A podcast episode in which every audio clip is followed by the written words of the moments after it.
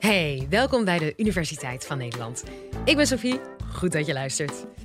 Soms zijn de meest overtuigende argumenten niet goed genoeg om iemand van gedachten te doen veranderen. Die persoon heeft zijn verhaal namelijk al helemaal in zijn hoofd en dat verhaal is sterker dan alle logische argumenten bij elkaar. Maar waarom zijn verhalen zo overtuigend? En hoe kun je verhalen gebruiken om mensen te overtuigen? Hoogleraar strafrecht Eugène Sutorius legt het je in deze aflevering uit. Enjoy!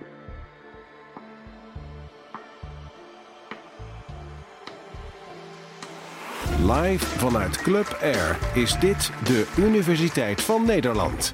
Het argument, dames en heren, ik kan het maar meteen verklappen, wint het niet van het verhaal. Een goed verhaal wint het altijd van een goed argument. Dat vond ik een zeer teleurstellende ontdekking omdat ik toevallig een vak gekozen heb waarin wij denken dat we alles beslissen door argumentatie. Maar waarschijnlijk is ook dat niet waar. Waarschijnlijk is ook dat iets gecompliceerder. Maar het gaat mij op dit moment dus over de strijd, strijd tussen argumentatie en persuasie. Het proces van overreden. De persuasie loopt hele andere wegen af dan de argumentatie. Argumentatie eh, zet altijd bovenaan de logisch geldige argumenten. Logica, zuiver. Helaas, de wereld is niet zuiver. En met logische argumenten bereiken we gek genoeg buitengewoon weinig in een zo gecompliceerde wereld.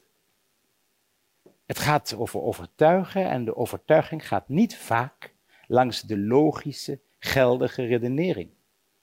Dus we kunnen het hoofd wel koel houden, maar we moeten het atelier weer in, het retorisch atelier. Wat moet je doen met een argument om het uw oren in te krijgen? Want een logisch geldig argument, u heeft er gewoon geen trek in. Al zegt u van wel. Dat is merkwaardig, dat is iets interessants. Het is zo dat het lijkt alsof wanneer je een argument retorisch maakt, er dus vleugeltjes aan bindt, waardoor die wat makkelijker vliegt, ook uw oor in, je ineens iets kan bereiken. En zo heeft de oude retorica al het concept ontwikkeld van wat we noemen, alweer uit de gereedschapskist, het entumeem. Het entumeem is een syllogisme. Nou, jammer dat een deel van u daarmee niet veel opschiet. Het syllogisme is een redenering dat als A is B en B is C, dan is A C. Algemene premisse, bijzondere premisse en conclusie. Dus als ik zeg Socrates is een wijs mens en ik zeg en dus is mijn conclusie dat Socrates een goed mens is, dan heb ik iets overgeslagen. Namelijk de algemene premisse, want dat bent u aan het denken hoop ik dan, dat wijze mensen goede mensen zijn. Dat zijn ze meestal ook. Toch mag je dat niet overslaan. Die algemene premisse is essentieel voor de geldigheid van het syllogisme. Het entumeem trekt zich daar niets van aan. Algemene premisse, weg. Want u denkt die. En daar voelt u zich prettig bij. Dus ik zei, ja, Socrates was een wijs mens. Ja, en uh, nou ja, het is toch wel fijn dat filosofen goede mensen zijn. En zo ga ik maar door en door. En intussen heeft u gedacht, wijs goed. Nou, klopt wel. Want u, het is interessant, er spelen hier een aantal dingen. Een aantal belangrijke dingen om de werking van een entumeem, dat is echt een retorische werking, om die te begrijpen. Je laat iets weg, dat gebeurt in de retorica strijk en zet. Dat is niet zo bijzonder. Het gaat hier niet over het onbewuste, maar een beetje toch. En je geeft het gevoel aan het, publiek, u, dat ze zelf iets mogen afmaken. Dat doen ze ook, met plezier. U vult graag aan. U denkt, ja, dat klopt met onze tradities. Als ik met een groep die ik goed ken spreek over waarden die in die groep dominant zijn, dan hoef ik niet alles te zeggen. Er zijn groepen waarin ik niet moet zeggen dat de vrouw achter het aanrecht vandaan moet komen. Er zijn groepen waarin dat gewoon niet moet zeggen.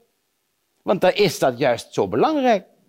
Dat wordt daar belangrijk gevonden. Dat die rol, die plek, los van emancipatie, er is. En zo zijn er groepen, discursieve groepen, waarin dus de aanvulling van een onvolledig syllogisme, een onvolledige redenering, gewoon vanzelf gebeurt. Als ik het heb over Nederlanderschap en ik laat het woord schaatsen vallen, nou, dat komt altijd goed, wat ik ook zeg. Want dat zijn wij. En tolerant, gaan we even niet verder over nadenken, heerlijk. Over een Nederlanderschap zou ik zomaar tien entumemen kunnen maken. En nu zou ze allemaal kunnen aanvullen in de door mij gewenste zin. Terwijl het helemaal niet waar is misschien. Het entumeem en het geheim van het entumeem berust dus op het feit dat ik iets weglaat wat wel waarschijnlijk is, maar niet zeker. Wat niet per definitie de waarheid is, maar wel lijkt op de waarheid. Als ik dat dan ook nog doe in een korte vorm en als het kan aantrekkelijk, in een rijm of een ritme, dan bent u verkocht. Het wemelt van de entumemen in ons land en overal. Entumemen zijn dus onvolledige redeneringen die maken dat we het gevoel hebben dat we door argumenten zijn overtuigd, hoewel we het argument zelf hebben aangevuld, wij als publiek. Van ja, maar dat ook, daar hoeven we toch niet over te praten. Het is ook heel saai om over die algemene premissen te praten. Het zou wel juister zijn, maar het is heel saai. Daar berust het op. Ik heb wel eens gehad dat ik erin getuind ben. Als rechter. Interessant voorbeeld. Goeie advocaat. Hele goede advocaat. Houdt een heel verhaal, heel pleidooi, prachtig. Zit in elkaar, helemaal goed. En ik denk dat ik de man moet vrijspreken. Advocaat heeft zijn werk dus goed gedaan. Maar er mist iets. De advocaat heeft zijn redenering dat het moet worden vrijgesproken of ontslag van rechtsvorm niet compleet. Er mist iets. Maar ik ben zo tevreden over het goede verhaal, inclusief de goede argumenten van de advocaat, dat ik denk, nou ja, dat heeft hij niet gezien. Er is inderdaad een uitspraak van de Hoge Raad die, maar als je die goed leest, maakt dat eigenlijk voor deze zaak niet veel uit. Ik vul het aan. Dat mag. Daar ben ik rechter voor. Als ik de jurisprudentie maar volg en kan uitleggen, motiveren, geen probleem. Slim van die advocaat. Wat heeft die advocaat gedaan? Die dacht, die dat is een eigenwijs mannetje. Iedereen kent zijn rechters, hè? En die wil altijd zelf een beetje mee procederen. Dat moeten rechters niet doen. Dat deed ik soms wel een beetje. Dus vooral als slecht advocaat, en dan werd de cliënt niet goed bediend en dan ging ik wel eens een beetje tegen de strijd van de onafhankelijkheid van de rechter in, een beetje aan die schaal hangen. Dat mag niet. Ook al is het de underdog. Deze advocaat wist dat. Deze advocaat hield dus een pleidooi dat hij niet afmaakte in het, nou zeer retorisch, in de overtuiging dat ik het af zou maken. Slim, ik, hup, door de hoepel. Hij, zo. En ik nog zeggen van dat je dat niet gezien had. Hij zweeg. Prachtig, entumeem. Entumematisch pleiten is dat. En er zijn ook een heleboel voorbeelden, maar wat je ziet is dat door het weg te laten er iets gebeurt wat interessant is. Je gaat, je, als je betrokken bent op het probleem, ga je nadenken, maar dan moet hij dat nog even aanvullen en klaar zijn we. Want ik denk ook, mijn overtuiging is ook dat hier een ontslag van rechtsvervolging moet volgen. Dus soms, en dat gebeurt in de retorica dus vaak, en het entumeem is daar dus typisch een, een aspect van, een, een in de gereedschapskist liggend mechanisme waarmee eigenlijk retorisch heel vaak wordt gewerkt. Het heeft dus veel te maken ook met de, de vorm die je daarvoor kiest en met het publiek waarvoor je spreekt. En dat weten we nu inmiddels, dat als het bij u past, als u daar vatbaar voor bent, dan hoef ik bepaalde dingen niet helemaal allemaal expliciet te zeggen. Want u zegt, nee, dat is goed. Dat, dat, dat klopt wel. Dat is spannend en noopt dus wel tot extra kritisch inzicht. Noopt dus wel dat wanneer we het over dat o zo prachtige argument hebben, waar we zo dol op zijn, dat we daarop moeten letten. Nu dan het verhaal. Waarom is het sprookje sterker? Waarom is het sprookje sterker dan het argument? Waarom is de narrativiteit, de kracht van narrativiteit zo groot? Ik zal u straks laten zien een filmpje van Van Um bij de dodenherdenking. Een prachtig filmpje, vind ik. En waarom is het retorisch? En ik vraag u om daar dus op te letten als u het gaat bekijken. Zijn ethos, daar ga ik het niet eens over hebben. Zijn ethos is zeer goed. Hij heeft gediend in Afghanistan, zijn zoon ook. Zijn zoon is daar tijdens het dienen omgekomen. Zijn vader heeft de Tweede Wereldoorlog meegemaakt en heeft daar ook gediend. Hij vertelt dat, maar maakt daar niet een big thing van.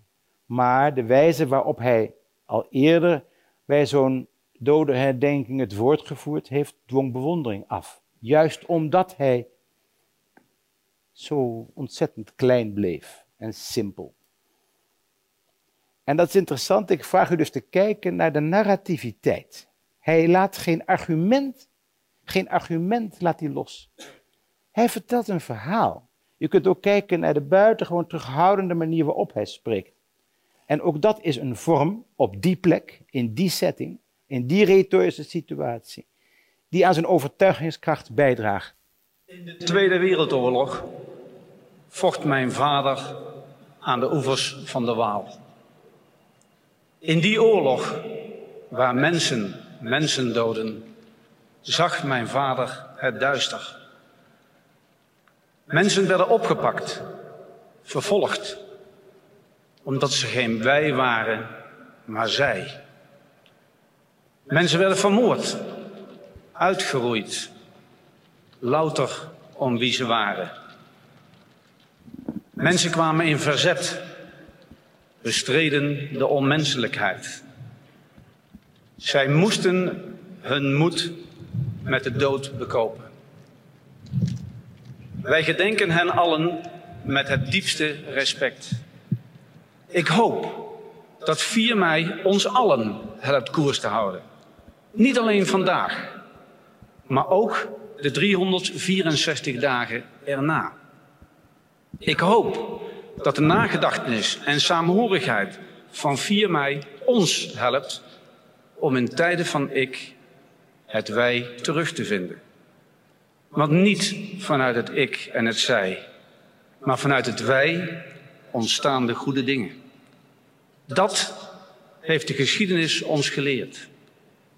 Dat moeten wij blijven herdenken. Dat moeten wij blijven afspreken. Met onszelf en met elkaar. Geen argument. Het verhaal van hem met zijn ethos doet alles op die plek.